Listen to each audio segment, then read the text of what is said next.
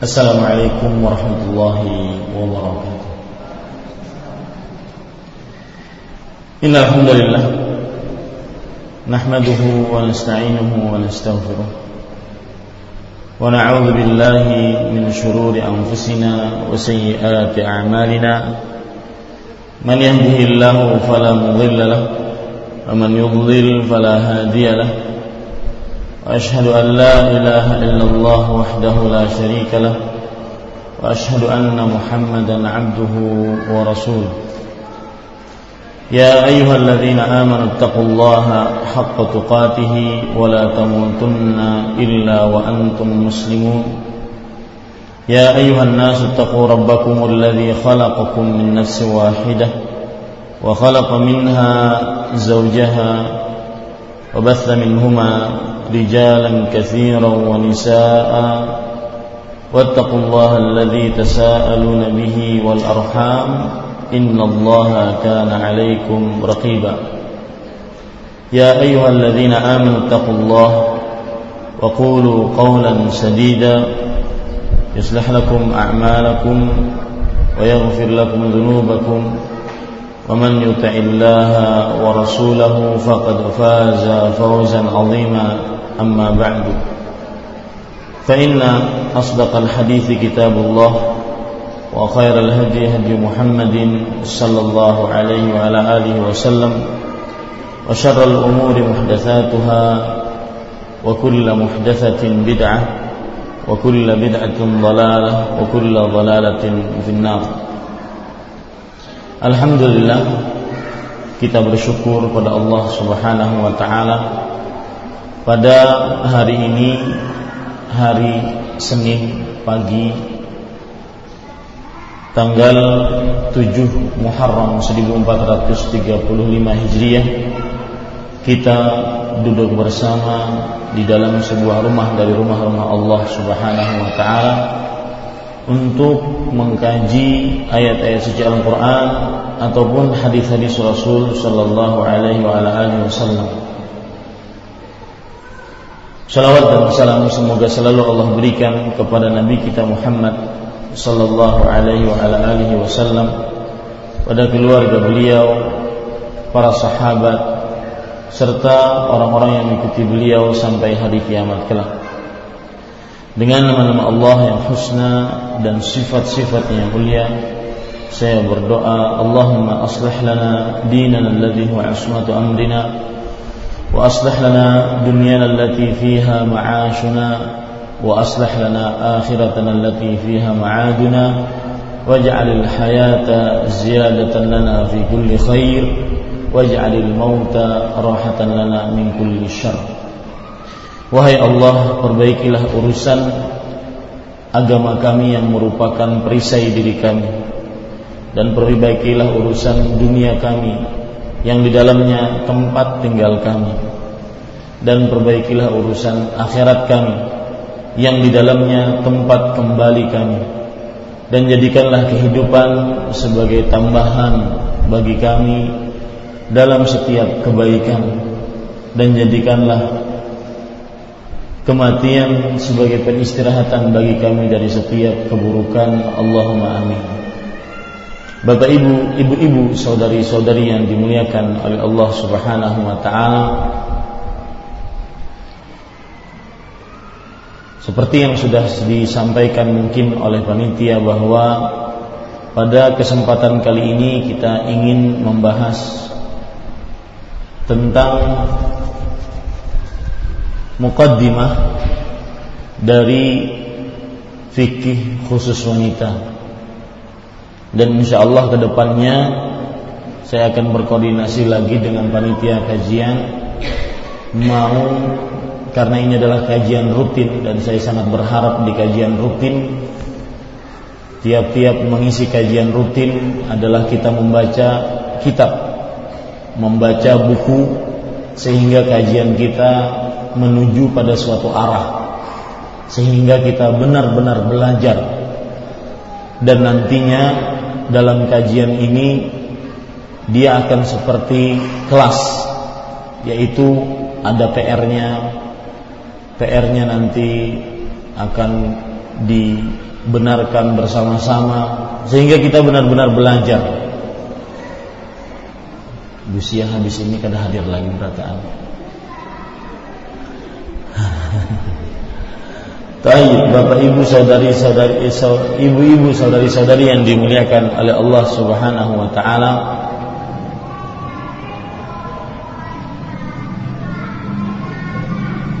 Karena ini mukaddimah dan insya Allah ke depannya saya menunggu dari panitia kajian kira-kira buku apa yang cocok untuk dibaca sebagai kajian rutin kita dan saya inginnya adalah fikih khusus wanita yang mana di dalam buku tersebut apa saja bukunya kita akan mempelajari fikih-fikih yang berkenaan dengan khusus wanita.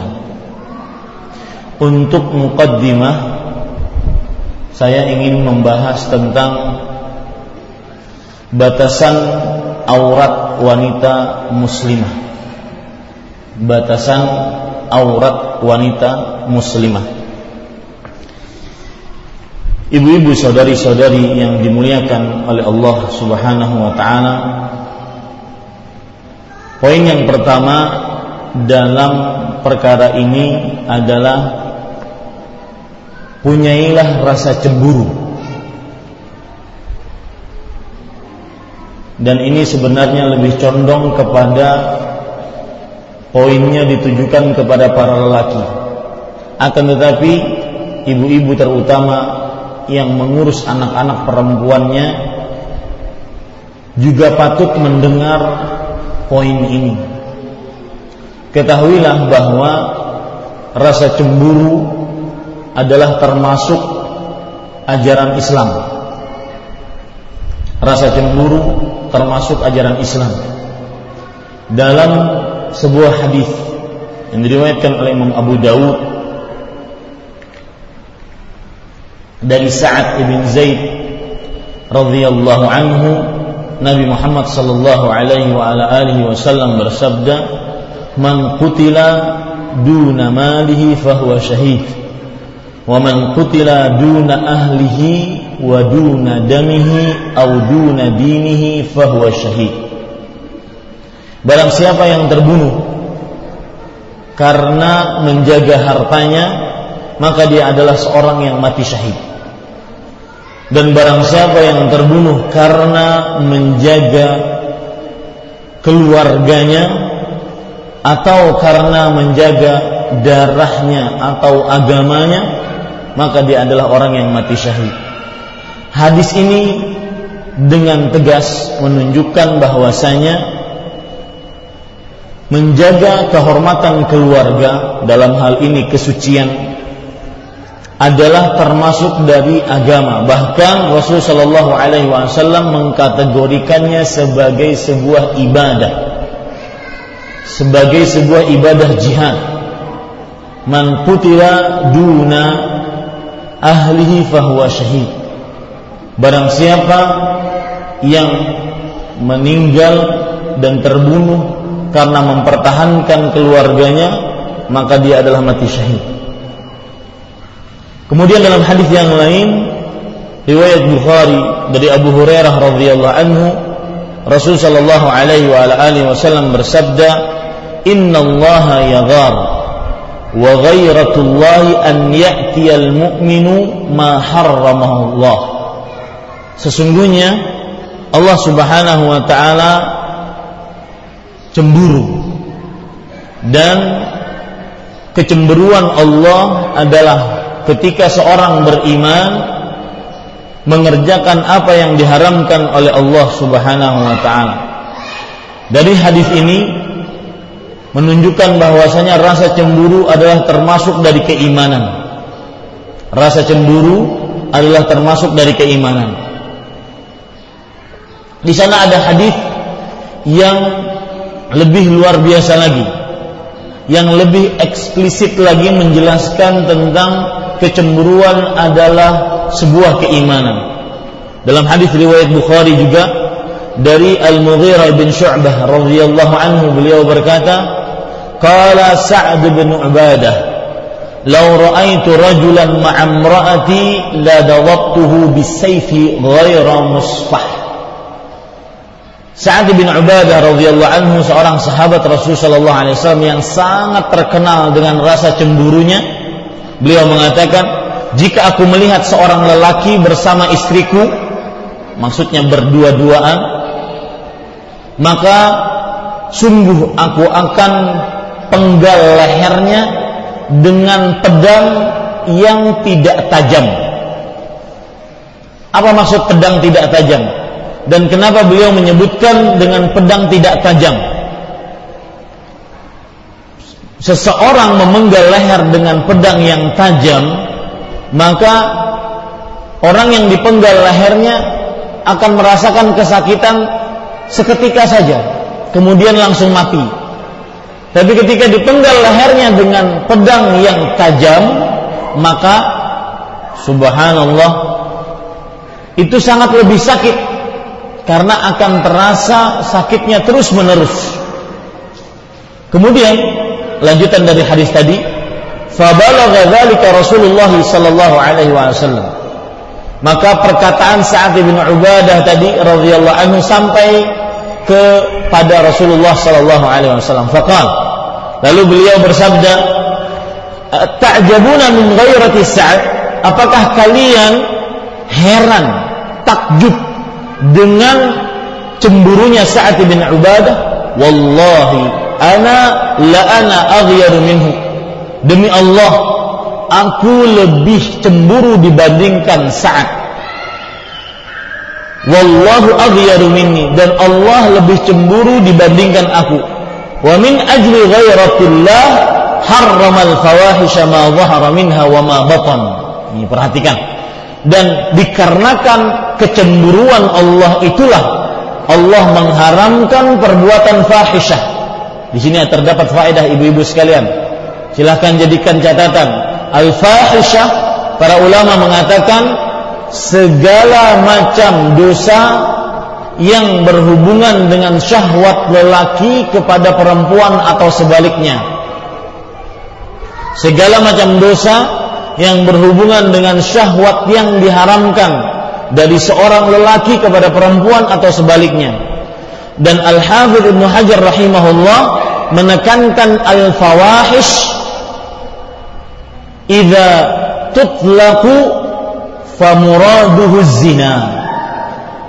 Perbuatan fahisyah jika disebutkan secara mutlak maka maksudnya adalah perbuatan zina. Ini jadikan catatan. Rasul Shallallahu Alaihi Wasallam bersabda tadi dan mohon maaf kepada ibu-ibu sekalian perhatikan ketika saya kadang-kadang jadikan catatan itu berarti penting. Karena ada sebagian orang yang bingung mencatat mana yang penting mana yang tidak penting. Makanya saya tolong dengan mengatakan jadikan catatan. Min ajli zalika kata Rasul Shallallahu Alaihi Wasallam dikarenakan oleh itulah Allah Subhanahu wa taala mengharamkan perbuatan fahisyah yang zahir yang terlihat secara jelas atau yang batin atau yang sembunyi-sembunyi. Coba perhatikan hadis ini. Kita bisa ambil pelajaran dari hadis ini dijadikan catatan bahwasanya al-ghairah atau cemburu termasuk keimanan. Cemburu termasuk keimanan. Yang kedua, kita bisa ambil pelajaran dari hadis ini adalah bahwa diharamkan seorang wanita berdua-duaan dengan lelaki yang bukan mahramnya berdasarkan hadis ini.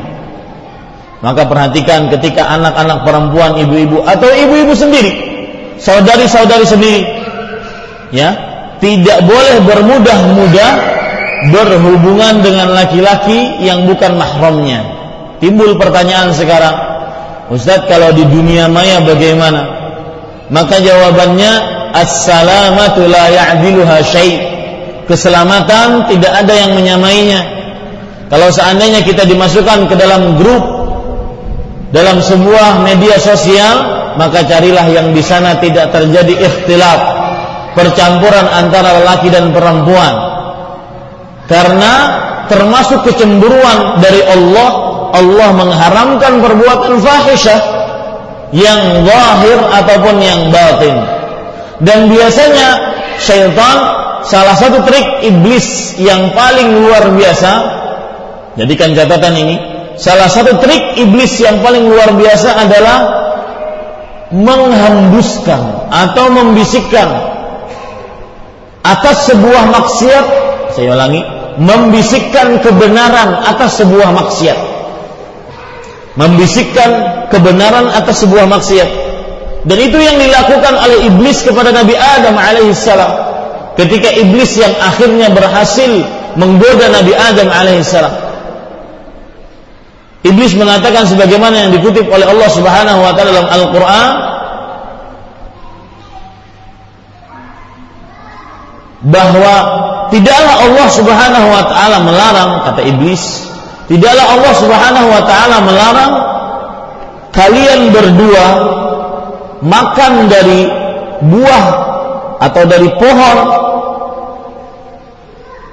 yang akhirnya disebut oleh orang awam sebagai pohon huldi kecuali karena Allah Subhanahu wa taala takut kalian berdua akan kekal.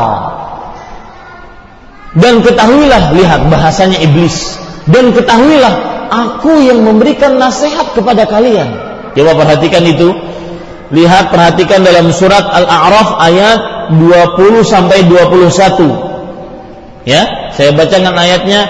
Fawaswasalahuma syaitan liyubdiya lahuma ma wuriya anhuma min sawatihima maka syaitan yaitu dalam hal ini adalah iblis memberikan gangguan kepada mereka berdua kepada Nabi Adam dan Hawa alaihi salam agar terbuka dari mereka berdua apa yang mereka sembunyikan dari aurat mereka berdua.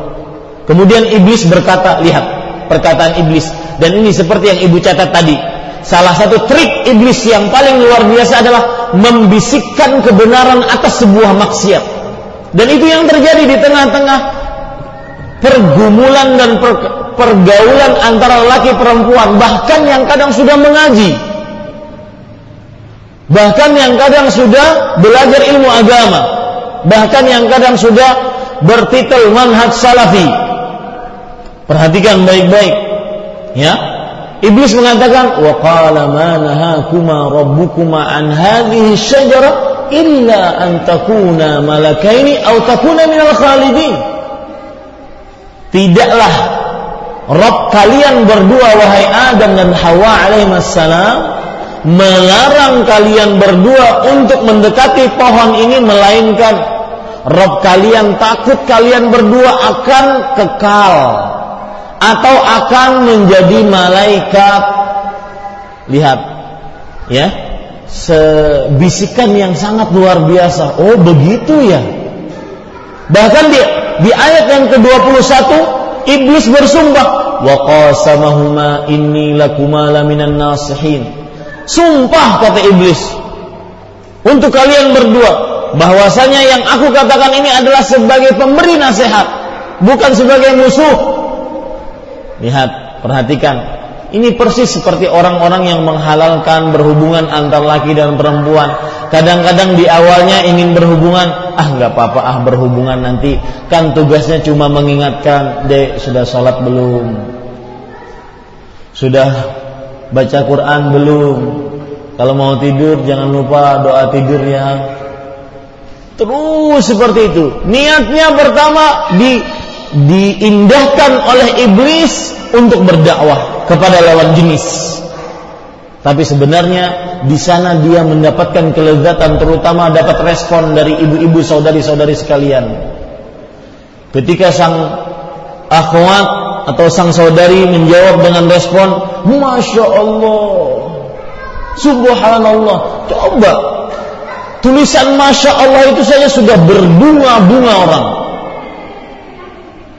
Ya, hati-hati. Makanya saya katakan as-salamatu la ya'diluha syai'.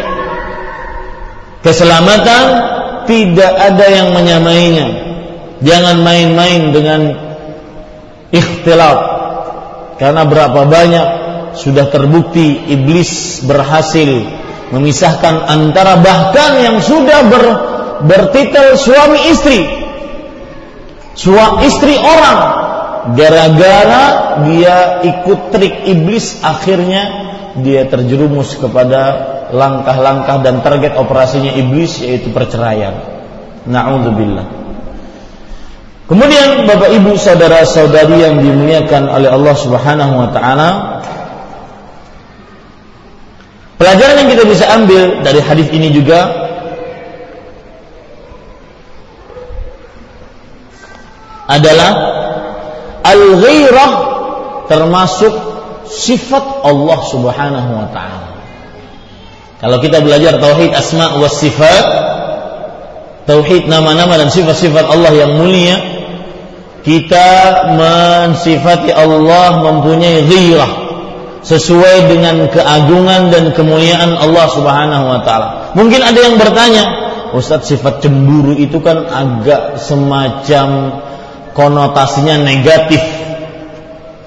Kenapa Allah bersifat demikian? Maka kita katakan bahwasanya cemburunya Allah sangat jauh bedanya dengan cemburunya makhluk. Ya. Maka kita bisa ambil pelajaran dari hadis ini bahwa salah satu sifat Allah adalah al-ghirah. Kemudian Bapak Ibu saudara ibu-ibu saudari-saudari yang dimuliakan oleh Allah Subhanahu wa taala. Poin yang kedua, setelah kita mempelajari cemburu adalah bagian dari agama. Maka kebalikannya, seorang yang tidak pencemburu tercela di dalam agama Islam. Ini poin selanjutnya. Seorang yang tidak pencemburu tercela dalam agama Islam.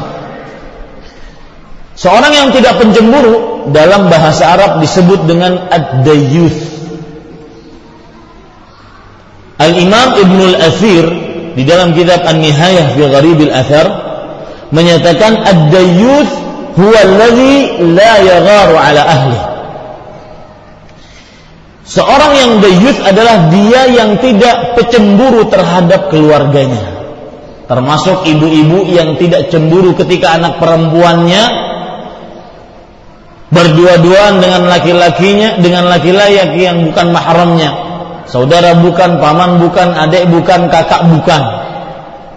Termasuk ya, rasa cemburu adalah seorang ibu yang tidak cemburu ketika anak perempuannya dipegang oleh orang lain. Oleh laki-laki yang bukan mahramnya. Maka jangan sampai menjadi dayus dan Ibnu uh, Hajar Al-Haytami dalam kitab Al-Jawazir mengatakan yadkhulur rijalu ala haramihi haitsu yarahum. Lihat yang disebut dengan dayuth ini definisi kedua. Dan definisi kedua ini lebih condong kepada praktek dayuth artinya dayuth adalah seseorang yang membiarkan keluarga perempuannya dimasuki oleh laki-laki yang bukan mahramnya. Ini ibu-ibu yang punya anak perempuan yang kemudian nanti malam minggu atau malam Sabtu atau malam Jumat atau malam apa saja dia apeli oleh laki-laki yang bukan mahramnya. Ketika kita biarkan dia berdua-duaan tidak ditemani oleh mahramnya, maka orang tersebut disebut dengan dayus, baik sang bapaknya atau sang ibunya. Karena Ibnu Hajar Al-Haytami mengatakan bahwa yang dimasukkan dengan dayuth adalah seseorang yang membiarkan laki-laki masuk ke dalam tempat-tempat keluarga perempuannya dan dia membiarkannya. Dia tahu dan dia membiarkannya. Sekarang permasalahannya Bu, sadari-sadari sekalian, apa ancaman bagi orang yang bersifat dayuth? Perhatikan hadis riwayat Imam Ahmad, An-Nasai, Kemudian Al-Hakim dalam kitabnya Al-Mustadrak dari Abdullah bin Amr bin As radhiyallahu anhuma ini ancaman bagi orang yang dayuth. Thalathatun la yanzurullahu ilaihim yaumal qiyamah. Tiga orang yang tidak dilihat oleh Allah Subhanahu wa taala. Ini dosa pertama atau ancaman siksa pertama, tidak dilihat oleh Allah pada hari kiamat. Dan subhanallah tidak dilihat oleh Allah bukan seperti tidak dilihatnya oleh makhluk. Mungkin sebagian orang berpikir kalau Allah tidak melihat lalu kenapa? So what gitu. Ya, lalu kenapa kalau Allah tidak melihat? Maka jawabannya, ya akhi, kalau Allah tidak melihat, itu dunia hancur seisinya. Nasib Anda tidak akan pernah tidak akan pernah bahagia di akhirat kalau Allah tidak pernah melihat Anda. Jangankan dikasih sayangi, jangankan di diampuni dosanya, dilihat saja tidak. Nah, ini perbedaannya maka ini jawaban bagi orang-orang yang tidak percaya kepada ke, seperti kelompok Jahmiyah yang tidak percaya kepada sifat-sifat Allah bahwasanya Allah melihat dengan kemuliaan dan keagungannya. Karena penglihatan Allah berbeda dengan penglihatan manusia. Tiga orang yang tidak dilihat oleh Allah Subhanahu wa taala pada hari kiamat. Walidayhi. Seorang yang durhaka kepada kedua orang tuanya wal mar'atul mutarajjilatul mutasyabihatu birrijal. Subhanallah, ini banyak ini. Perempuan yang menyerupakan dirinya dengan laki-laki atau disebut dengan tomboy. Yang ketiga, wadayuth. Seorang yang bersifat dayuth.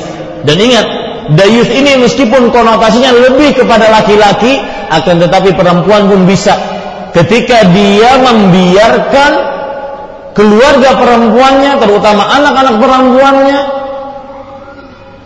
berbuat keburukan di hadapan dia seperti bergaul dengan laki-laki yang bukan mahramnya kemudian berdua-duaan dengan laki-laki yang bukan mahramnya berpegang-pegangan dengan laki-laki yang bukan mahramnya termasuk di dalam kata dayus adalah orang tua perempuan sang ibu atau sang kakak perempuan atau sang bibi atau sang adik perempuan meskipun lebih condong maknanya kepada laki-laki.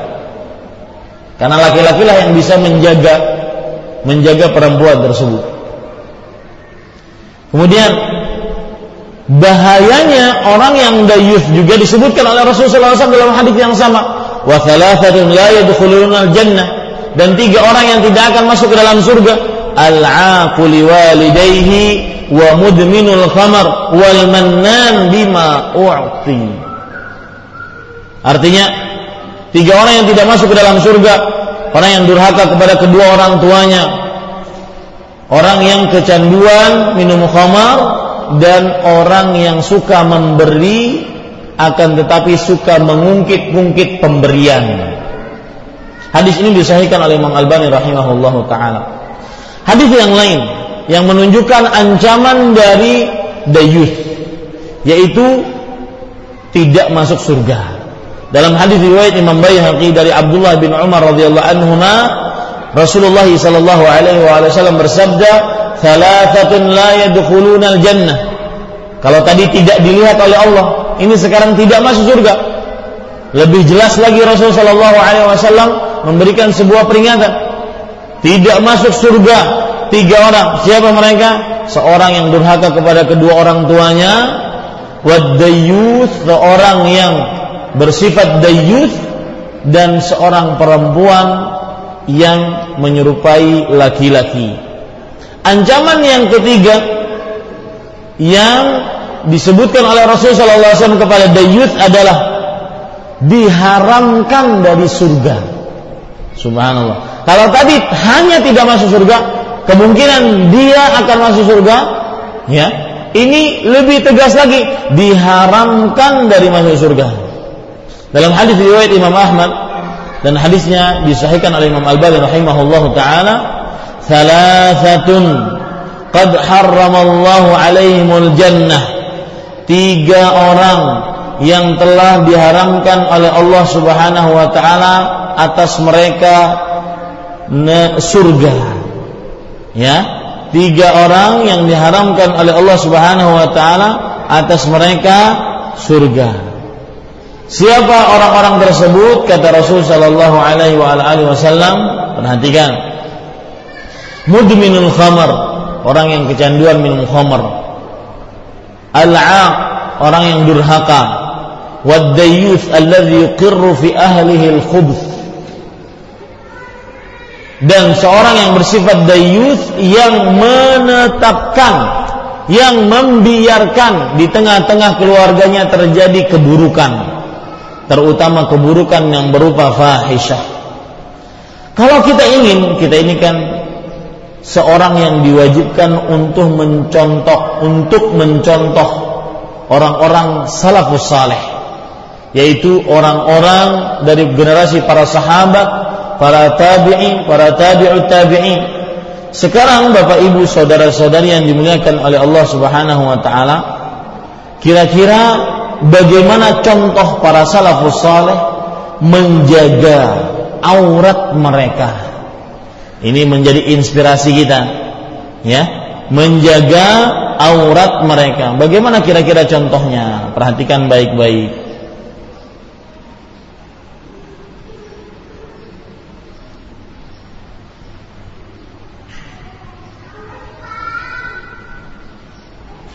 Ya, sebentar saya carikan.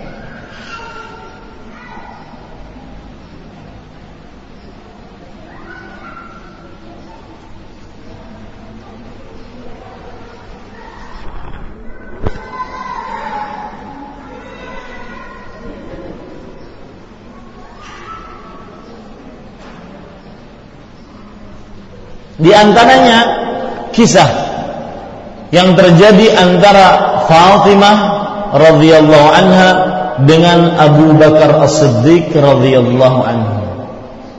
Kita ketahui bahwasanya terjadi ada semacam kesenjangan antara Fatimah dengan Abu Bakar As-Siddiq radhiyallahu anhu.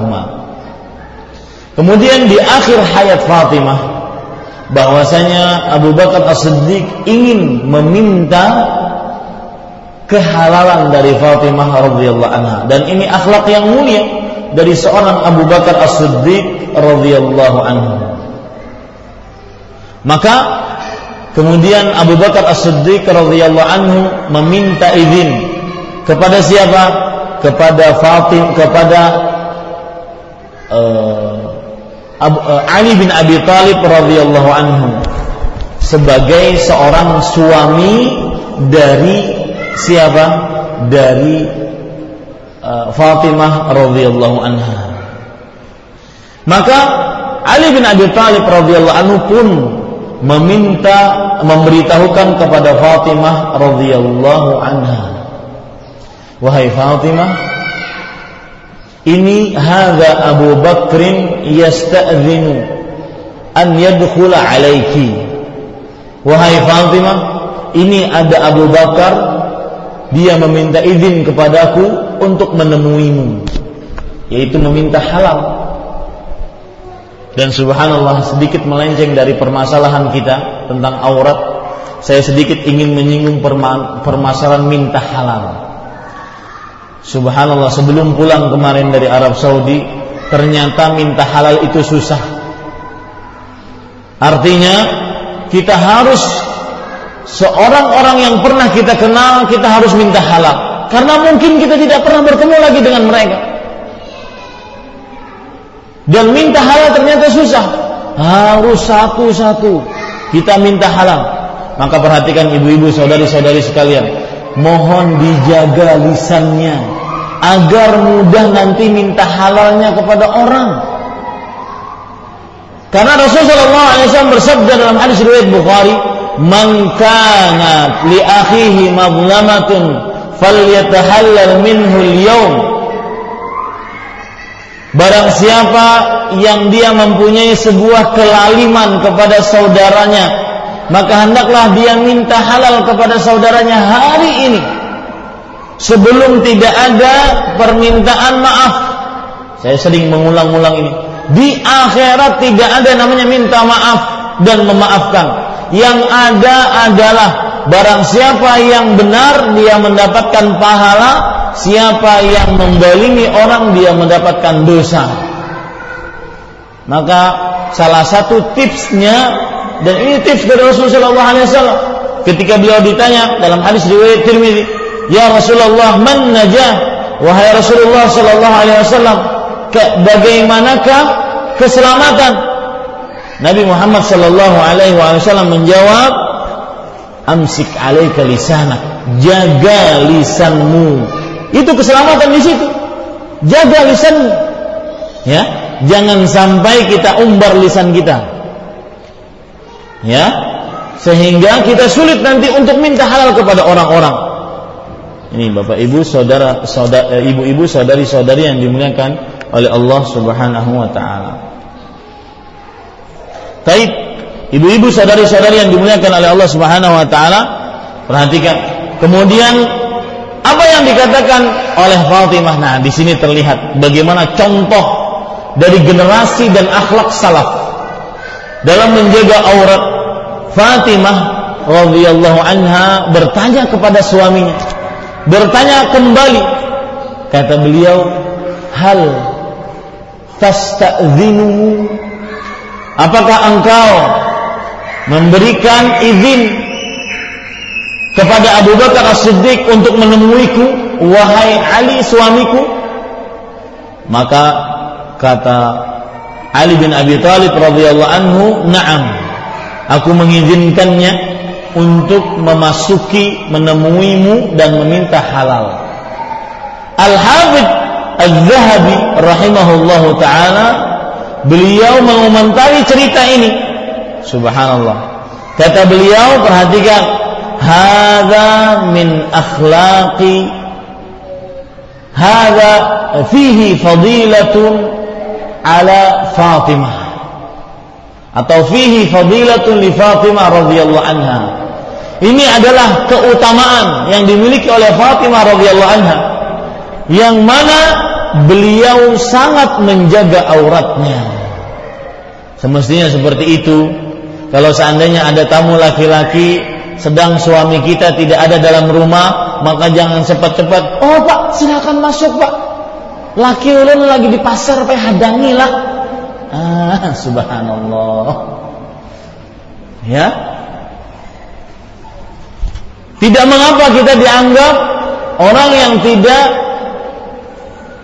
bergaul atau orang yang uh, kurang dalam pergaulannya. Tetap kita jawab, Assalamualaikum Waalaikumsalam. Mohon maaf laki ulun lagi di luar. Hadangi pian di luar lah. Dan kai di luar jualah. Tidak mengapa seperti itu, ibu-ibu saudari-saudari yang dimuliakan oleh Allah Subhanahu wa taala. Ada lagi cerita menarik yang terjadi di zaman dahulu. Cerita-cerita yang sangat luar biasa menginspirasi kita. Coba perhatikan Ali bin Abi Thalib radhiyallahu anhu berkata, menantu Rasul sallallahu alaihi wasallam. Riwayat ini disebutkan di dalam kitab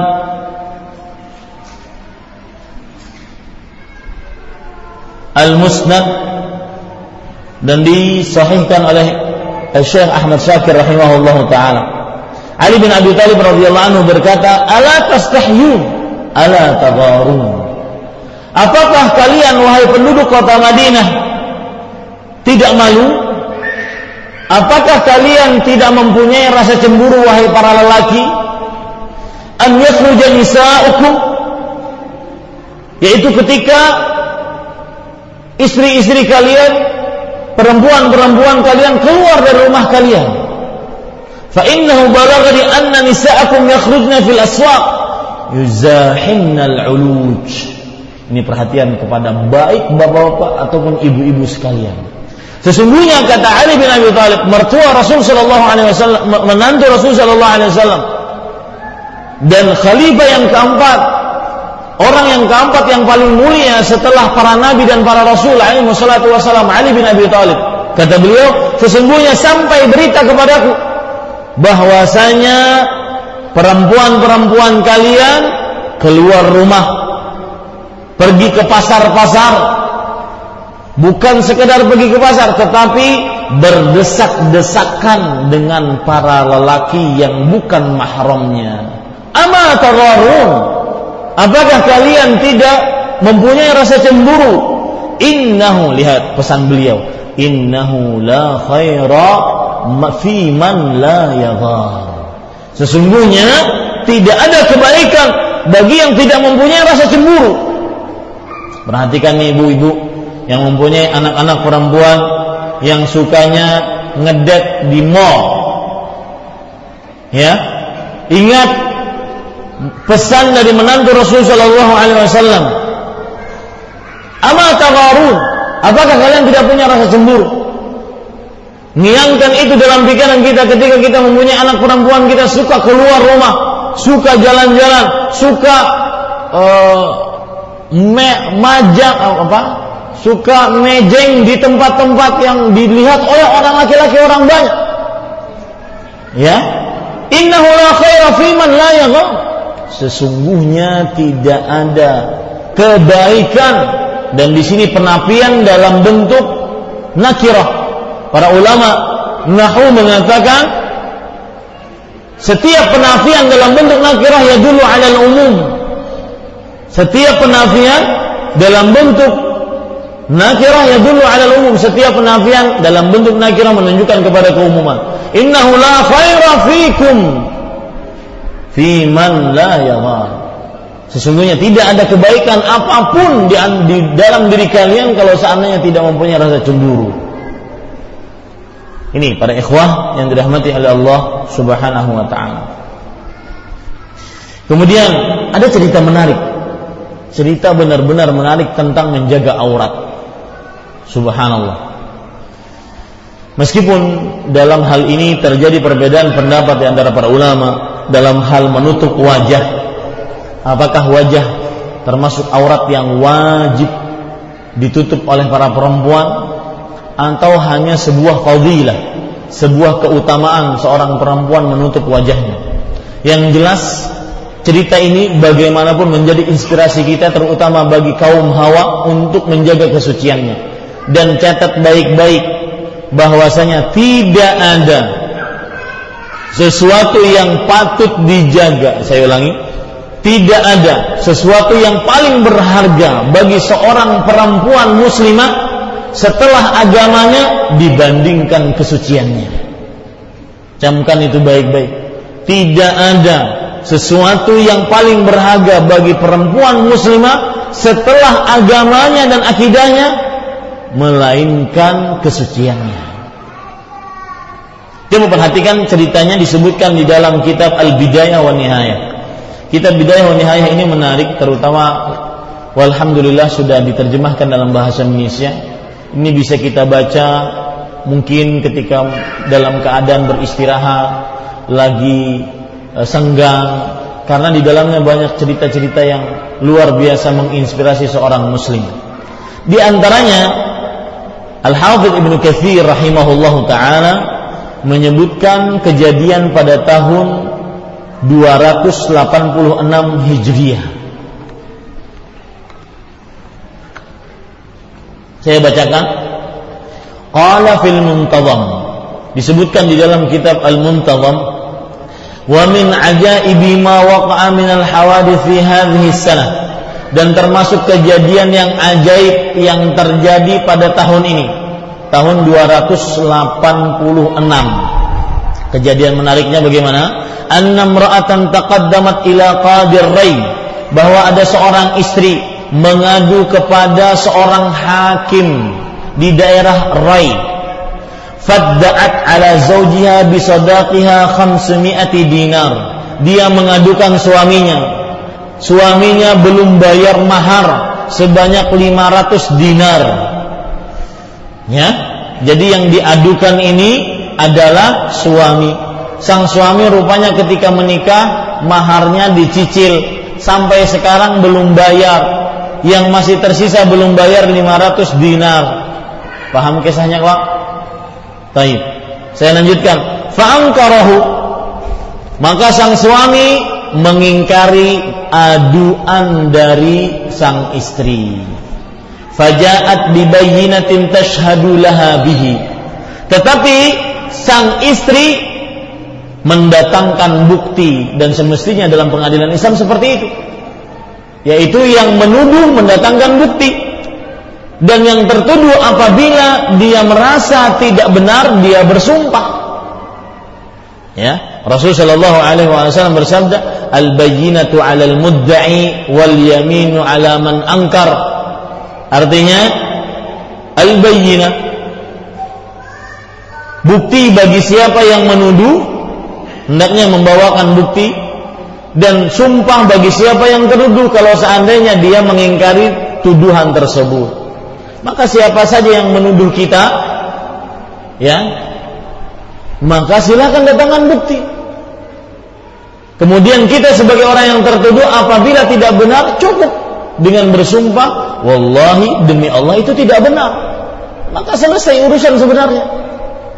Siapa saja yang menuduh misalkan sekarang yang lagi ramai memperbincangkan masalah bolehkah nonton di Roja TV atau tidak nonton?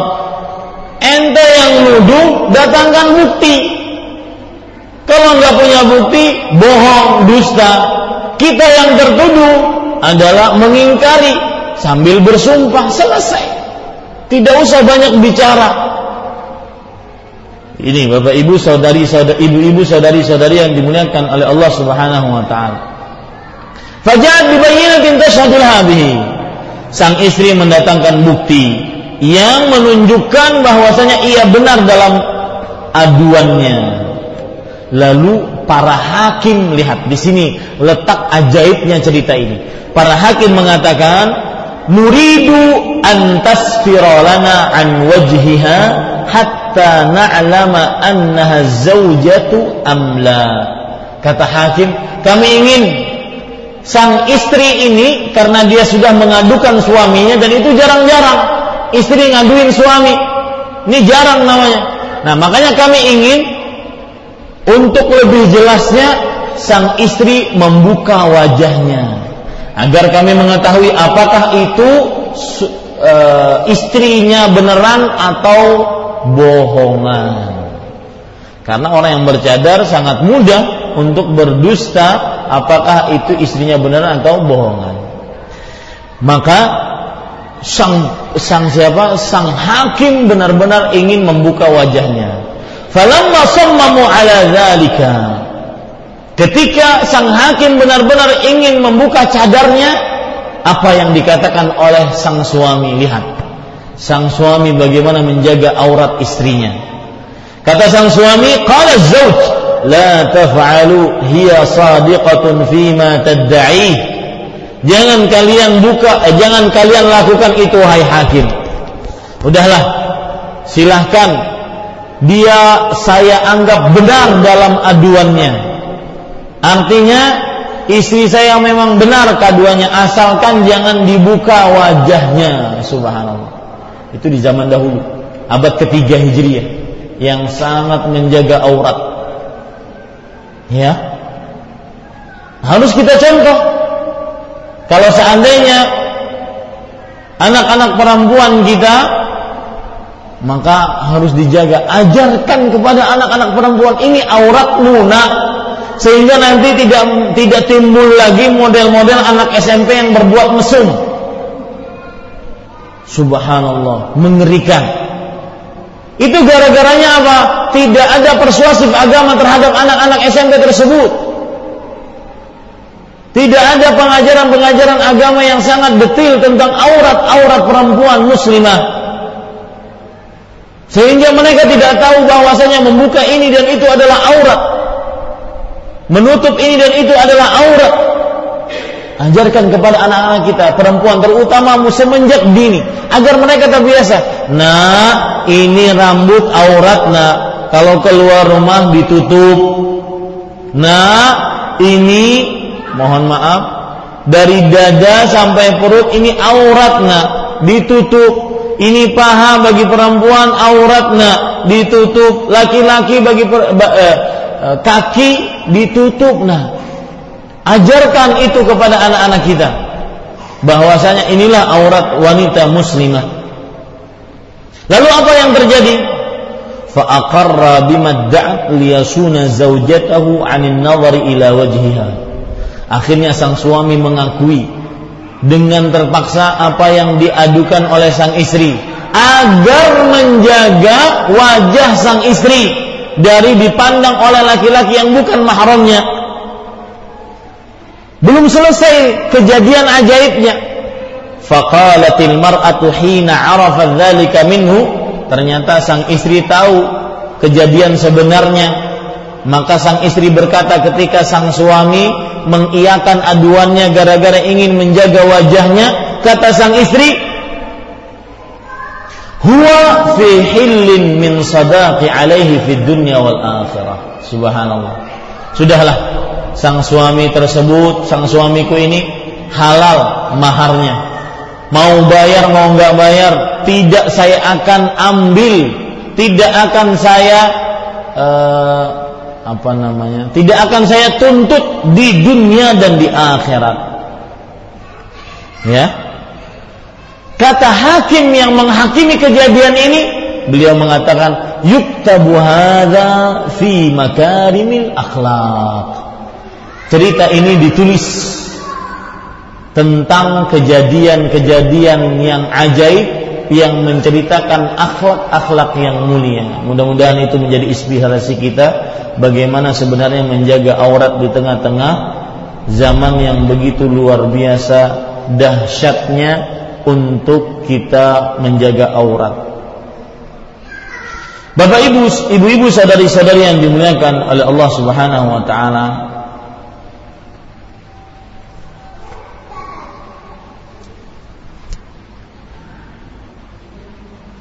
Poin yang ketiga, menjaga aurat bagi perempuan adalah salah satu bentuk pemuliaan Islam terhadap kaum hawa.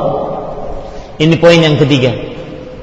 Menjaga aurat bagi wanita muslimah adalah salah satu bentuk pemuliaan Islam terhadap kaum hawa. Coba perhatikan Allah Subhanahu wa taala berfirman atau saya akan bacakan perkataan Syekh Al-Mufassir Muhammad Asy-Syanqiti rahimahullahu taala di dalam kitab tafsir yang sangat terkenal milik beliau Adwaul Bayan saya ingin sekali baca kitab tafsir ini karena banyak sekali faedah yang beliau sampaikan dalam kitab tafsir ini. Rasulullah SAW bersabda kata beliau dalam hadis riwayat Bukhari dan Muslim, "Wala yaqufu bil baiti uryanun."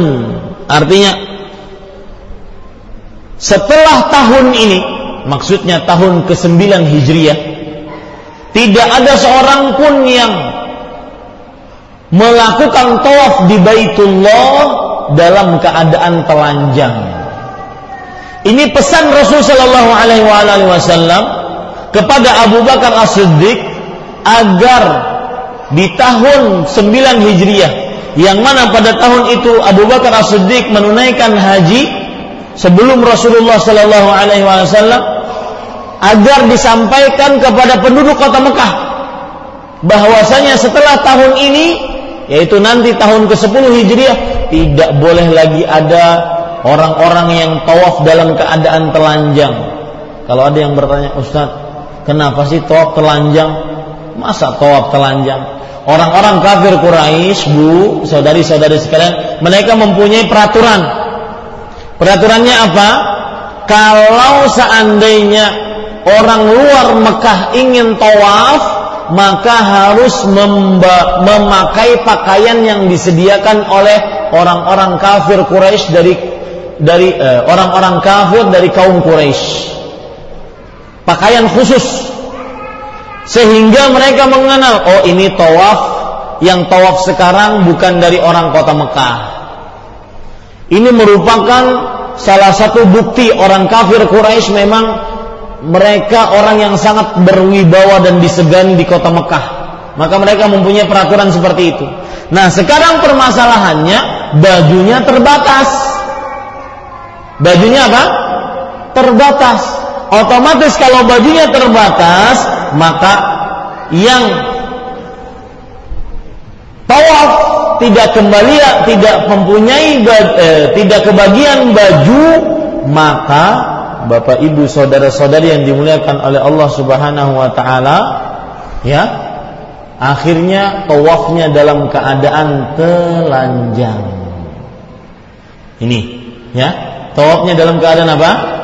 Telanjang. Makanya Rasulullah SAW mengingatkan, tidak ada yang boleh setelah tahun ini untuk tawaf dalam keadaan telanjang. Nah, coba perhatikan sekarang perkataan dari saya sebutkan tadi dari Syekh Muhammad Amin Asy-Syanqiti rahimahullahu taala. Beliau mengatakan, "Fa idza 'alimta dzalik" Jika kamu mengenal cerita itu, fa'lam anna sababa nuzul qawlihi ta'ala khudhu zinatakum 'inda kulli masjidin. Ketahuilah bahwa sebab turunnya firman Allah taala yaitu surat yang ketujuh ayat yang ke-31 yang berbunyi khudhu zinatakum inda kulli masjid. Ambillah perhiasan-perhiasan kalian ketika kalian pergi ke masjid. Annahum kanu yatufuna bil baiti uratun. Bahwa uratan. Bahwasanya mereka tawaf di Baitullah dalam keadaan urat dalam keadaan telanjang Fakanatil mar'atu tatufu bil baiti wa hiya Maka dahulu seorang perempuan sering tawaf dalam keadaan telanjang.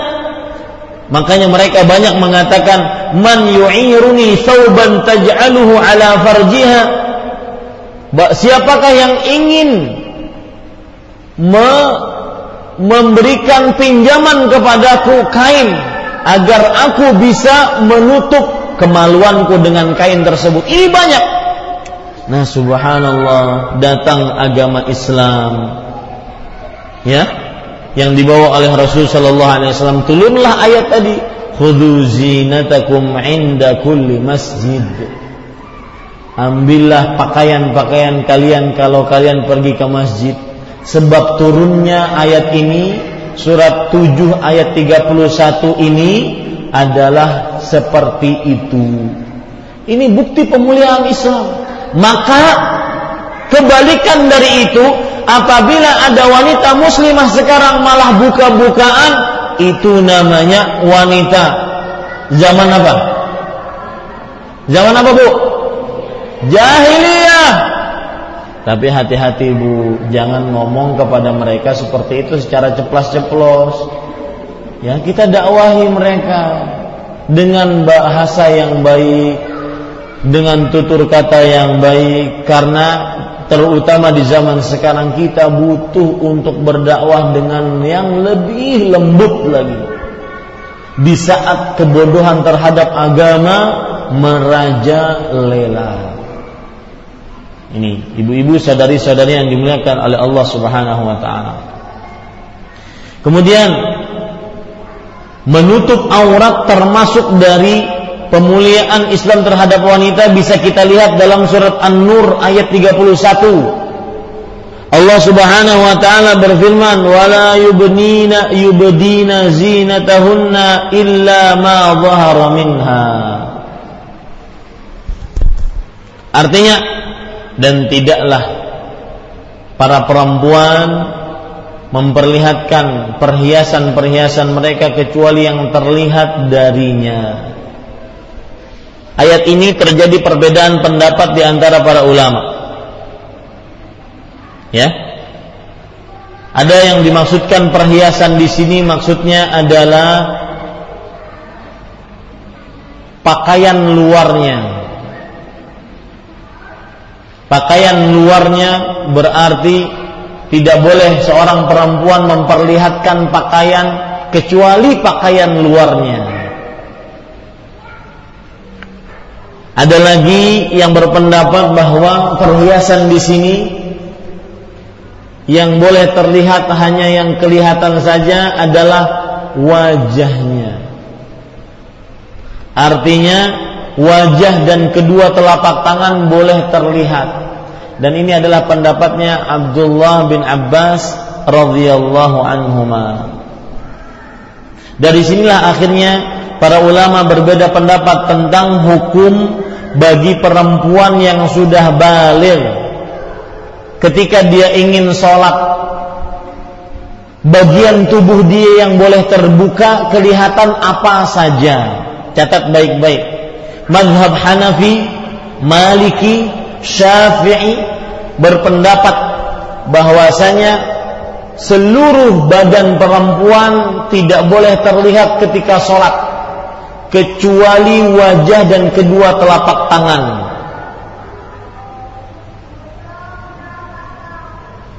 Kecuali wajah dan kedua telapak tangan. Bahkan ini juga pendapatnya mazhab Hambali yang kuat.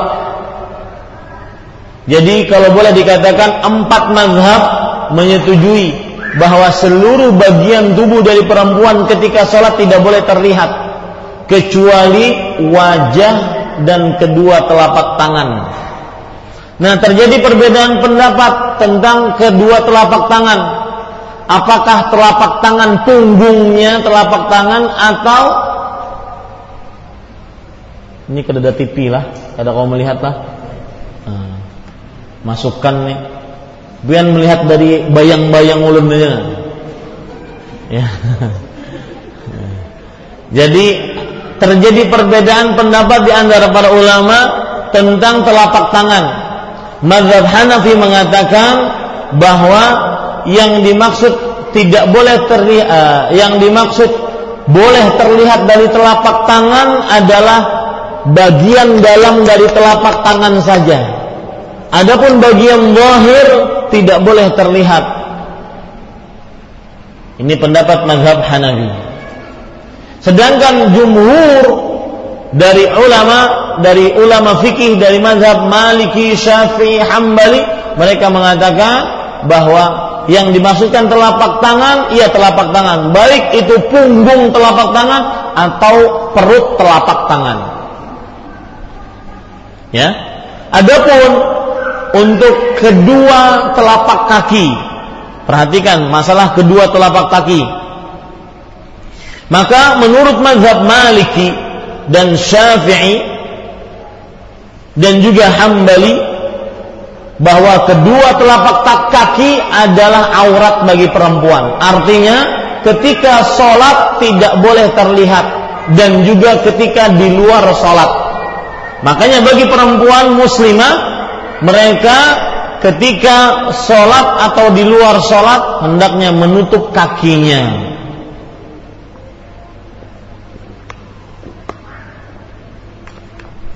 Ya, menutup kakinya. Dan dalil yang menunjukkan akan hal ini semua adalah sabda Rasul Shallallahu Alaihi Wasallam riwayat Tirmidzi al mar'atu aurah wanita seluruhnya adalah aurat dan juga hadis riwayat Tirmidzi yang lain Rasulullah sallallahu alaihi wasallam bersabda, "La yaqbalullahu salata haidin illa bi khimar." Artinya, Allah tidak menerima salat wanita yang sudah haid bukan wanita yang haid ya ini, wanita yang sudah haid artinya wanita yang sudah balik kecuali dengan menutup kepala. Ya, kecuali dengan menutup kepala. Taib. Sudah jam 11 saya masih mempunyai banyak materi di antaranya batasan-batasan aurat wanita. Dari mulai ujung rambut sampai ujung kaki kita akan dalili batasan-batasan aurat wanita. Di antaranya rambut misalkan. Adalah aurat bagi perempuan muslimah tidak boleh terlihat. Apa dalilnya? Kemudian kalau seandainya dikatakan telinga dan leher apa dalilnya maka itu nanti kita akan bahas insyaallah taala dalam kesempatan yang lain dan saya yang saya yakini dan saya kira ini adalah kajian rutin. Begitu begitu ya panitia ya? Betul? Ya, kajian rutin artinya setiap Senin saya akan selalu datang di sini kecuali kalau seandainya ada jadwal di luar kota lainnya. Ya, mudah-mudahan bermanfaat. Apa yang baik itu dari Allah Subhanahu wa taala, apa yang buruk itu dari kami pribadi manusia biasa dan dari syaitan saya mohon ampun kepada Allah Subhanahu wa taala. Saya cukupkan wasallallahu Muhammad walhamdulillahirabbil alamin. Silahkan jika ada yang ingin bertanya. Nah,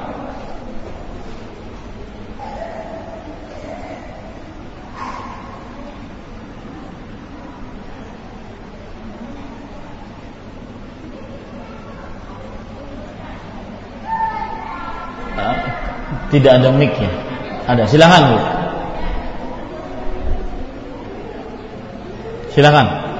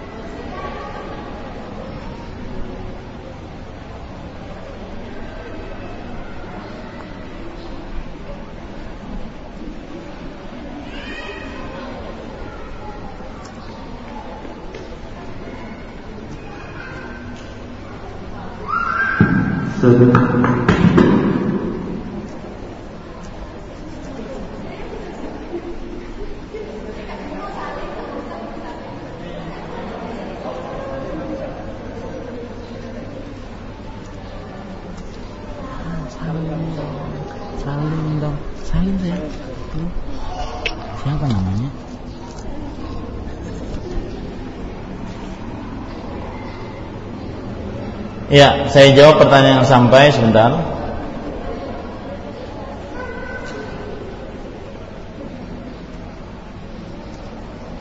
Pertanyaan pertama, Assalamualaikum. Wajah termasuk aurat bagi wanita. Kalau kita sudah memakai jilbab syar'i Tapi masih memprotes wajah kita dengan uh, mem Mempoles wajah kita dengan bedak, lipstik dan lain-lain Agar tampilan lebih baik Apa boleh dilakukan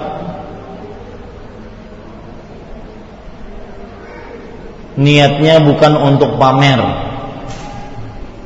Maka jawabannya saya pernah ngisi judul di depan Bapak Kapolres Kandangan. Di situ juga ibu-ibu yang hadir.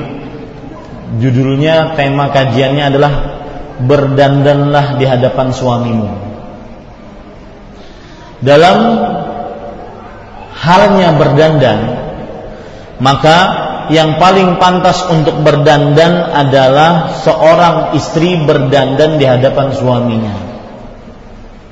Jadi ketika seorang seorang perempuan muslimah sudah menutup wajah, menutup auratnya, sudah menutup mungkin wajahnya, maka usahakan dia ketika keluar rumah hanya dalam keadaan wajah biasa tanpa polesan-polesan lipstick ataupun sesuatu yang membuat dandanan bagi perempuan tersebut. Dan ini lebih selamat meskipun dia akhirnya nanti duduk di tengah-tengah perempuan ataupun akhirnya nanti dia bercadar ketika keluar rumah. Maka wajah yang biasa tanpa polesan dandanan lebih baik dan lebih utama. Wallahu a'lam. Naam. Pertanyaan selanjutnya, bolehkah kita memajang foto pribadi atau keluarga kita di dunia maya seperti Facebook dan BBM? Apabila memajang foto anak di dunia maya, bisakah anak kita terkena penyakit ain? Ada dua pertanyaan di sini. Maka jawabannya tidak ada faedahnya seseorang memajang foto pribadi atau keluarga di dunia maya, terutama keluarga perempuan. Karena sebagaimana disebutkan oleh Rasul Shallallahu Alaihi Wasallam al mar'atu aurah. Artinya perempuan itu adalah aurat. Idza istashrafaha idza kharajat istashrafaha syaitan. Jika dia keluar maka syaitan akan memperindahnya. Menjadikan wanita tersebut sebagai sumber godaan bagi laki yang bukan mahramnya. Maka jangan sampai kita ikut andil dalam dosa dan keburukan yaitu dengan memajang wanita e, foto kita yang mengakibatkan laki-laki yang bukan mahramnya akhirnya tergoda dan akhirnya melakukan hal-hal yang berupa maksiat. Kemudian apakah kita kalau seandainya memajang foto anak kita bisa terkena penyakit ain? Sangat bisa sekali. Karena Rasulullah Shallallahu Alaihi Wasallam bersabda al ainu hak, terutama apabila anak kita lagi uh, lagi benar-benar nyaman dipandang mata, ya, lagi e, lucu-lucunya. Mungkin orang yang tidak tahu akan mengatakan, waduh gantengnya, waduh cantiknya, waduh imutnya tanpa menyebutkan nama Allah Subhanahu Wa Taala dan tanpa mendoakan berkah bagi sang anak tersebut. Maka mudah-mudahan ya dengan tidak memajangnya foto anak-anak kita di media sosial itu menjadikan anak-anak kita terlepas dari penyakit ain. Karena Rasulullah Shallallahu Alaihi Wasallam bersabda, al ainu hak. Ya, artinya penyakit ain itu benar adanya. Kalau seandainya ada sebuah takdir yang mendahului maka ain lebih mendahuluinya. Subhanallah. Maka penyakit mata yang menyebabkan penyakit keburukan bagi seseorang akan mendahuluinya maka jauhi perbuatan tersebut Wallahu alam. Pertanyaan selanjutnya, apakah para TKW pembantu rumah tangga yang bekerja di Arab halal untuk majikan laki-lakinya karena mereka di sana dianggap budak? Ini tidak benar. Ini persepsi yang keliru dan tidak dilakukan oleh orang Arab. Ya. Cuma kadang terjadi miskomunikasi di antara pembantu rumah tangga dengan majikan dengan adat yang berbeda.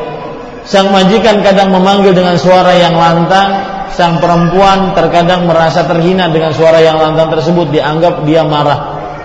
Kebalikannya kadang-kadang gara-gara terjadi e, komunikasi yang buruk, sang sang perempuan TKW tersebut tidak paham apa yang disampaikan oleh sang majikan, sang majikan kesal maka terjadilah e, pemukulan-pemukulan. Atau memang ada oknum-oknum dari e, beberapa orang yang me, e, mendatangkan TKW akhlaknya tidak baik dan itu di mana-mana bukan hanya di Arab Saudi saja.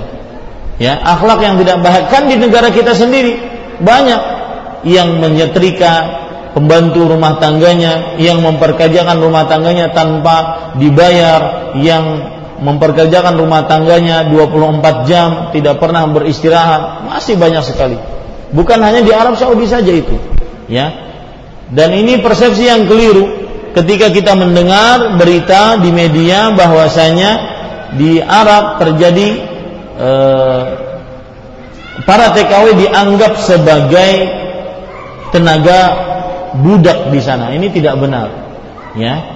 Wallahu alam. Karena budak hukumnya beda dengan dengan tenaga kerja. Kalau tenaga kerja dia dibayar gara-gara dia sebagai e, jasa bantu di rumah tersebut. Adapun budak itu harta yang boleh dinikmati, boleh dijual seperti kita mempunyai barang.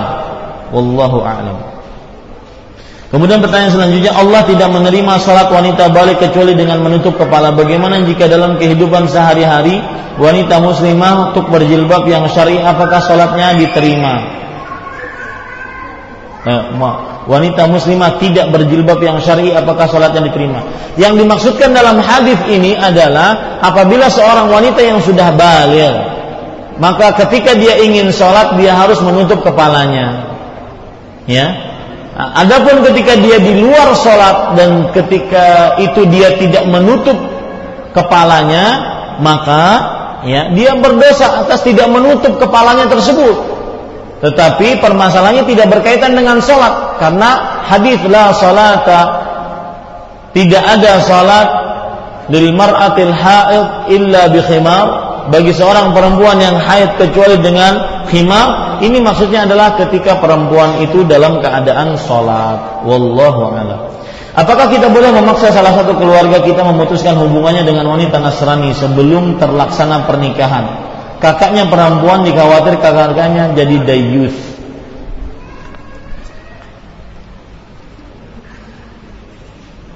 Ya, maka jawabannya saya tidak tahu ini e, maksudnya apakah e, wanitanya tersebut yang Nasrani atau laki-laki yang Nasrani.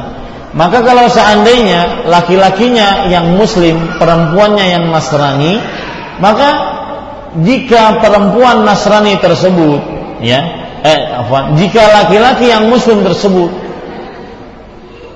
uh, dia sudah berusaha mencari perempuan yang muslimah akan tetapi dia dapatnya perempuan Nasrani maka kalau terjadi pernikahan sah karena Allah Subhanahu wa taala berfirman wa ta'amukum hillul lahum wa ta'amuhum hillul lakum wal muhsanatu minan nisa wal muhsanatu minal ladzina utul kitab min qablikum.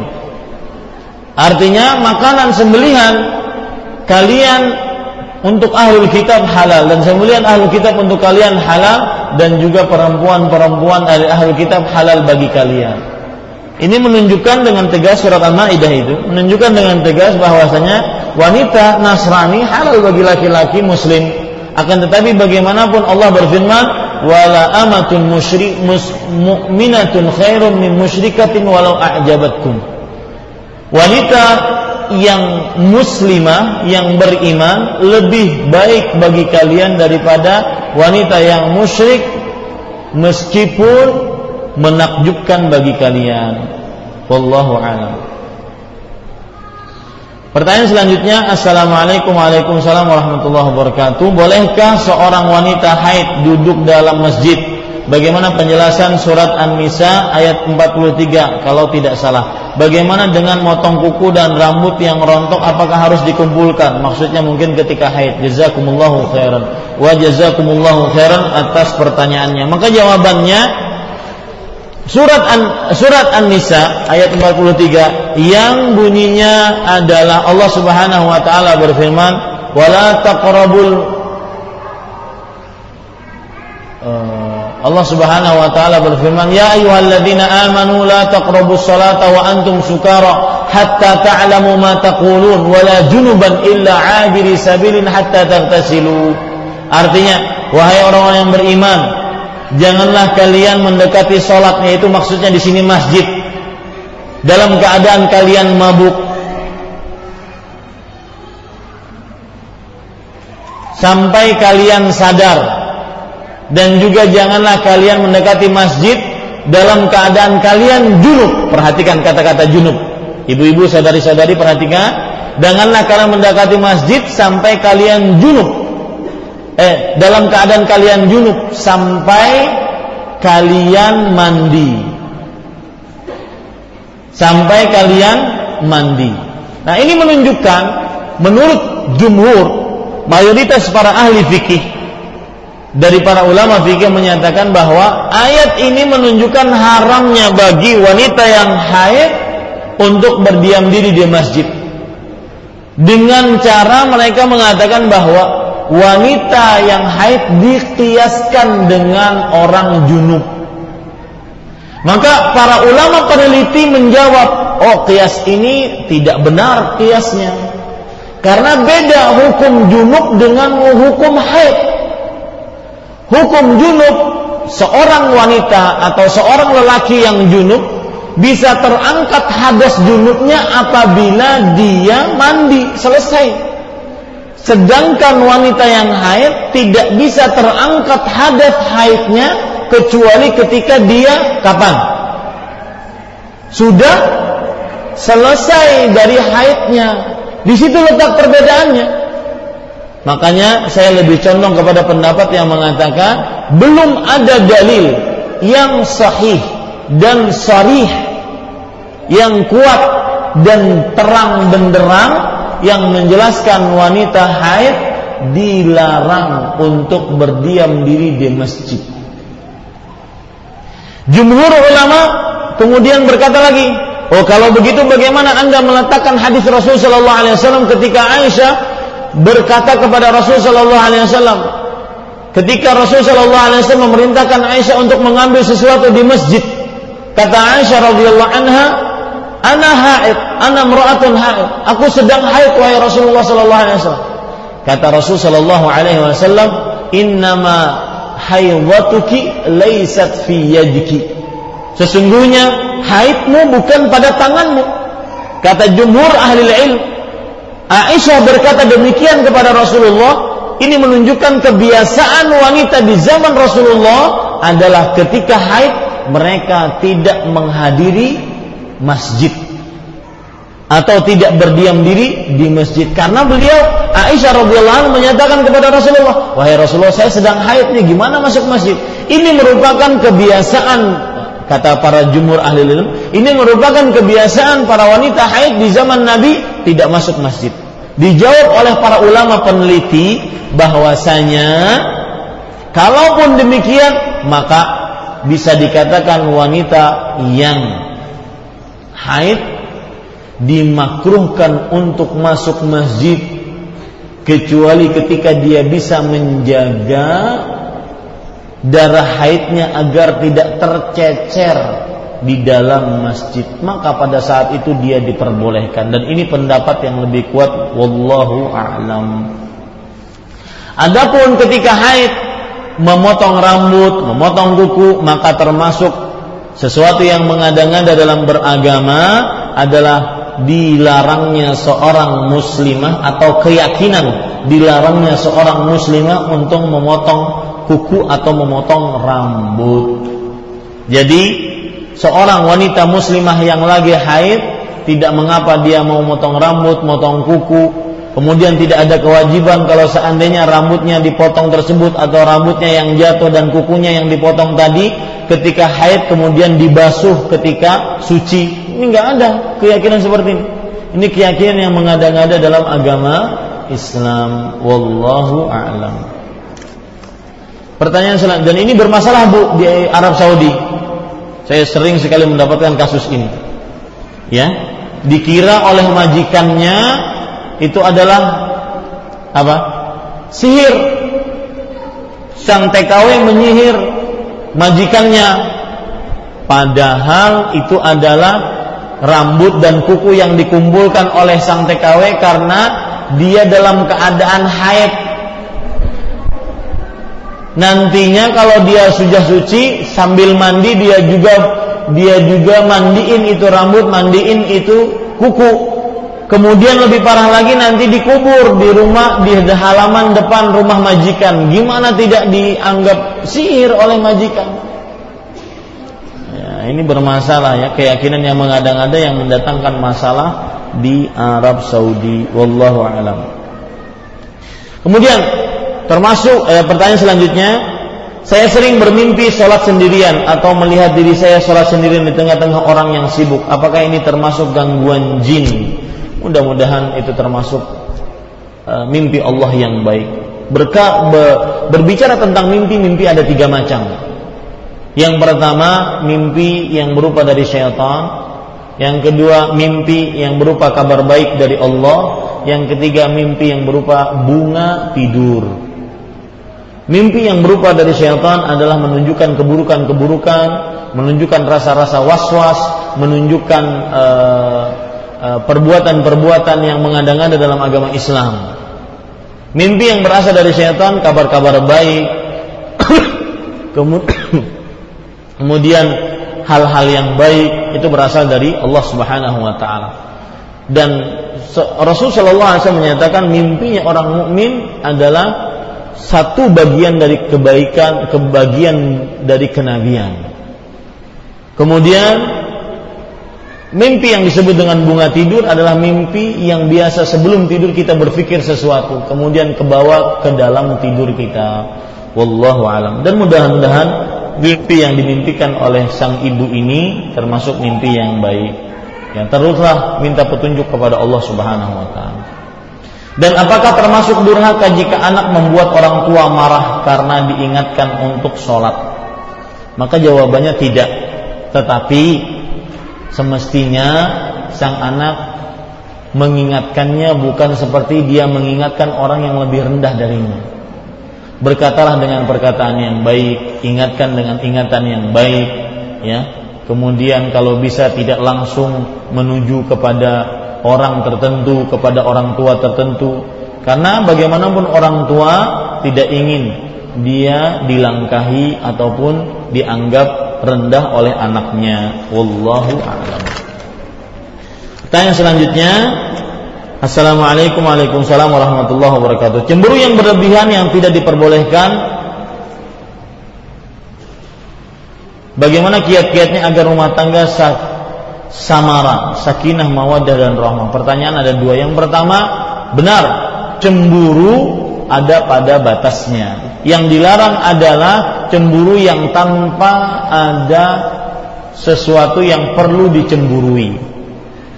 Ya, terlalu berlebihan dalam perihal apa pun, porsi terlalu berlebihan dalam perihal apa pun ini termasuk hal yang berlebihan.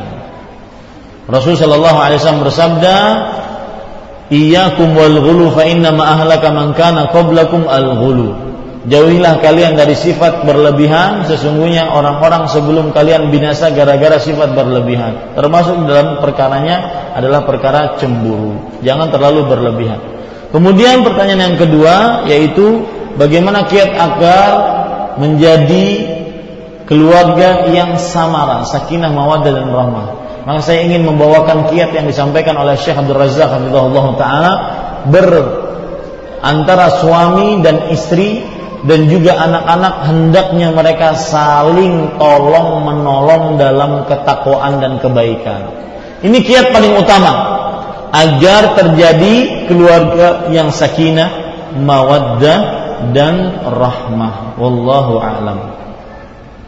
Pertanyaan selanjutnya, ayat atau wahyu yang pertama kali turun kepada Rasulullah surat Al-Alaq, tapi kenapa di dalam Al-Qur'an yang pertama surat Al-Fatihah? Maka jawabannya karena tidak ada keharusan di dalam Al-Qur'an bahwa surat eh, ayat pertama diletakkan pada pada eh, tertipan pertama dari Al-Qur'an, tidak ada keharusan.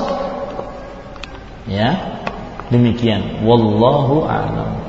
Mudah-mudahan bermanfaat apa yang baik kita dari Allah Subhanahu wa taala apa yang buruk itu dari saya pribadi saya mohon ampun kepada Allah Subhanahu wa taala dan mohon maaf kepada Bapak Ibu saudara-saudari sekalian.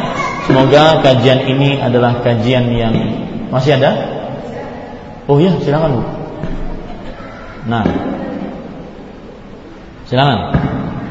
Assalamualaikum Ustaz. Waalaikumsalam warahmatullahi Begini Ustaz, kebetulan kan saya pakai hijab ini baru Ustaz ya. Ya. Jadi eh, kadang-kadang kata Ustaz tadi kan ketika seorang muslimah itu seluruh badannya aurat terpaku kaki gitu. Ya. Kadang-kadang banyak perempuan mungkin ya, Ustaz kayak keluar untuk mengambil cucian atau di rumah di rumah kita nggak pakai eh, apa hanya di depan saudara laki-laki dan ibu jadi nggak nggak pakai sesuai lagi gitu Ustaz. Ya. Jadi apakah itu diperbolehkan? Kayak kayak apa tadi ya? Kayak ambil di kemudian keluar, tiba-tiba kaos kaki. Ya. Bu, apa kita baru gitu Ustaz. Jadi kebiasaan itu masih ada. Terus yang kedua, apakah eh, memakai kerudung ini saya pernah mendengar katanya orang tua yang sudah uzur tidak apa ya tidak harus memakai jilbab yang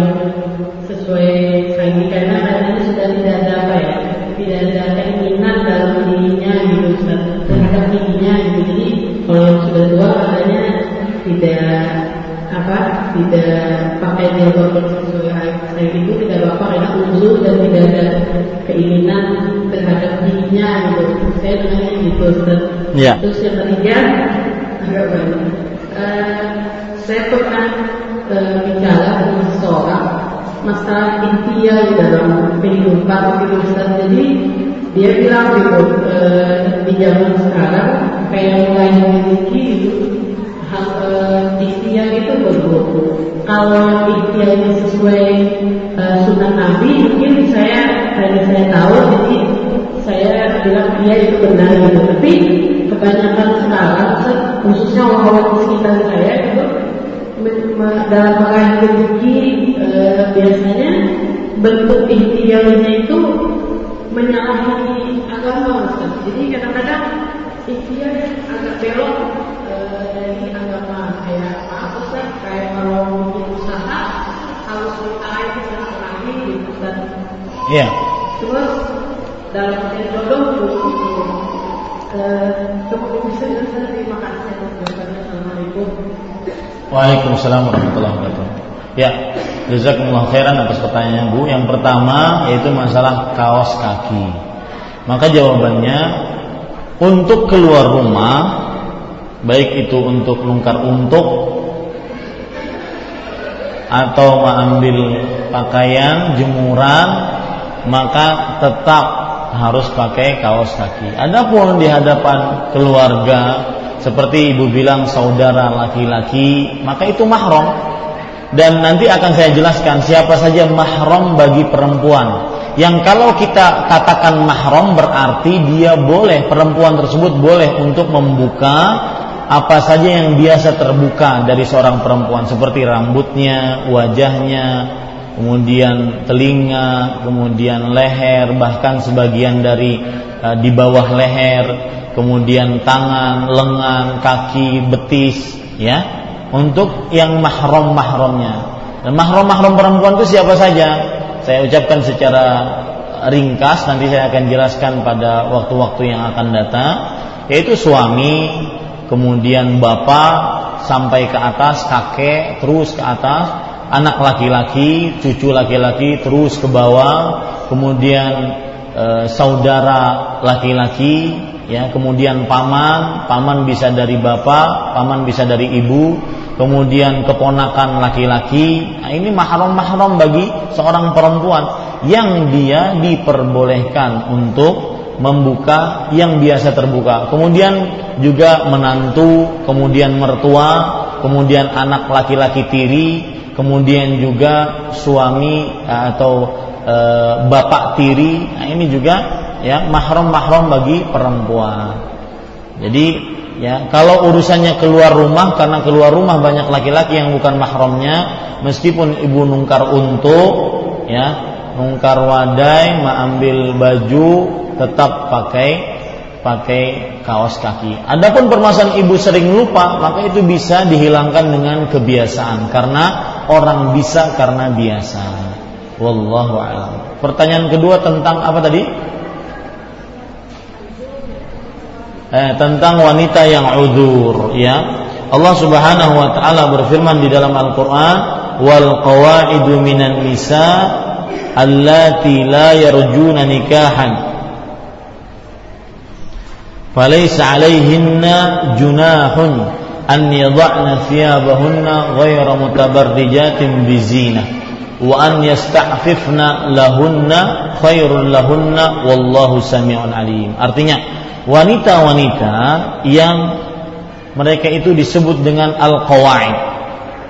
Al-qawaid adalah wanita-wanita yang sudah tidak ingin menikah lagi. Yaitu karena sudah mungkin menopause, ya. Maka tidak mengapa bagi mereka untuk meletakkan pakaian mereka tanpa dalam keadaan berdandan. Ya. Nah, di sini terjadi perbedaan pendapat di antara para ulama. Apa yang dimaksud dengan pakaian tersebut?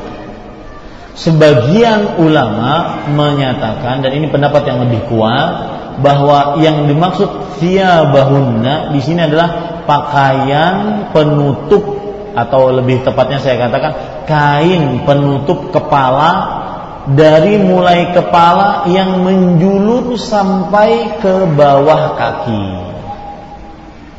Ya, sampai ke mana? Ke bawah kaki. Bukan berarti yang dimaksud dengan pakaian di sini dia boleh atau perempuan tersebut boleh melepaskan jilbabnya.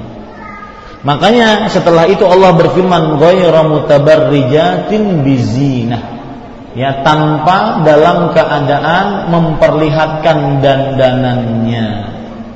Artinya meskipun karena pakaian perempuan itu kan ada yang disebut dengan jilbab Jilbab itu adalah kain yang diletakkan di atas kepala menjulur ke bawah sampai kaki. Itu namanya jilbab. Yang ibu pakai sekarang itu namanya khimar. Ya, apa namanya? Khimar, penutup kepala. Ada yang penutup kepalanya sampai pinggang, ada yang menutup kepalanya sampai pantat, ada yang menutup kepalanya sampai lutut itu penutup kepala. Nah, yang dimaksudkan dari sini adalah di atas penutup kepala itu karena orang Arab biasanya selain jilbab, eh, khimar yang kita sebut jilbab ada jilbab lagi nah, itu yang boleh diletakkan tetapi kemudian Allah di akhir mengatakan wan yasta'fifna khairun lahunna dan bersikap suci bagi perempuan tersebut itu lebih baik bagi perempuan tersebut. Artinya tetap dalam keadaan semula, tetap memakai khimar dan jilbab, maka itu lebih baik. Wallahu a'lam. Pertanyaan ketiga tentang membuka usaha dengan cara-cara yang tidak benar. Maka walhamdulillah ibu sudah tahu dan saya jamin secara pasti insya Allah yang membuka usaha dengan cara yang tidak benar maka hartanya tidak berkah. Waktu kemarin baru pulang dari Roja saya mengisi judul kajian dengan rizki dan keberkahannya. Kenapa diangkat permasalahan itu? Salah satu sebabnya adalah sebagian kaum muslim bahkan yang sudah ngaji kadang-kadang menghalalkan segala cara untuk mendapatkan keuntungan. Padahal yang sebenarnya dicari dari rezeki adalah rezeki yang halal. Karena eh, afwan, rezeki yang berkah karena keberkahan pada rezekilah yang akan menambah rezeki tersebut bukan nominal sekedar nominalnya bertambah akan tetapi rezeki yang berkah jadi saya harapkan dengan sangat ibu-ibu diharamkan untuk ikut hal-hal demikian. Ya. Karena rezeki, mau dan juga jodoh serta seluruhnya sudah ditakdirkan oleh Allah Subhanahu wa taala. Baik, ada yang lain? Cukup? Ya, silakan. Waalaikumsalam.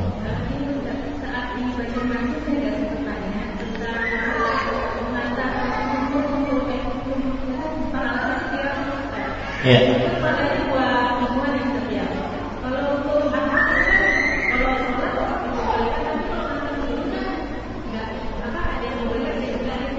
Iya.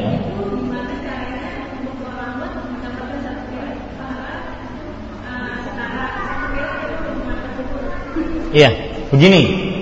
Permasalahan mengantar kubur, ya. Ada hadis dari Ummu Atiyah kalau tidak salah atau Ummu Salamah nuhina an ittiba'il janaiz wa lam yu'zim atau yu'zam alaina. Kami para perempuan dilarang. Dilarang ini menunjukkan kata fasif.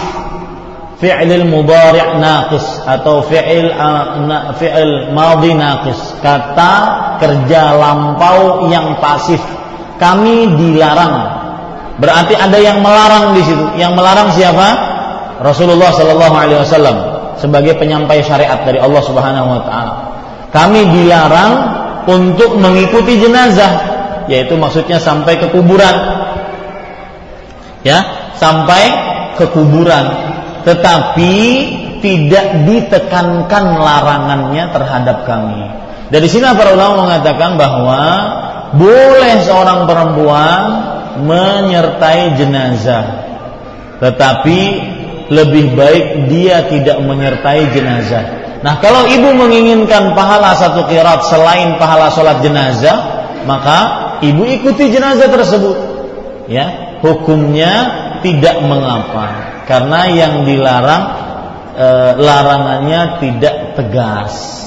Ya, tetapi kalau ditanya mana yang lebih baik, maka tidak mengikuti itu yang lebih baik dan tidak mengikutinya seorang perempuan terhadap jenazah sampai ke kuburan lebih baik dibandingkan dia mengikuti. Arti kata lebih baik di sini semungkin dia akan lebih banyak dapat dibandingkan satu kirat dari pahala. Seperti misalkan Bu, saya contohkan yang lain tentang sholat berjamaah. Yang diwajibkan hanya laki-laki.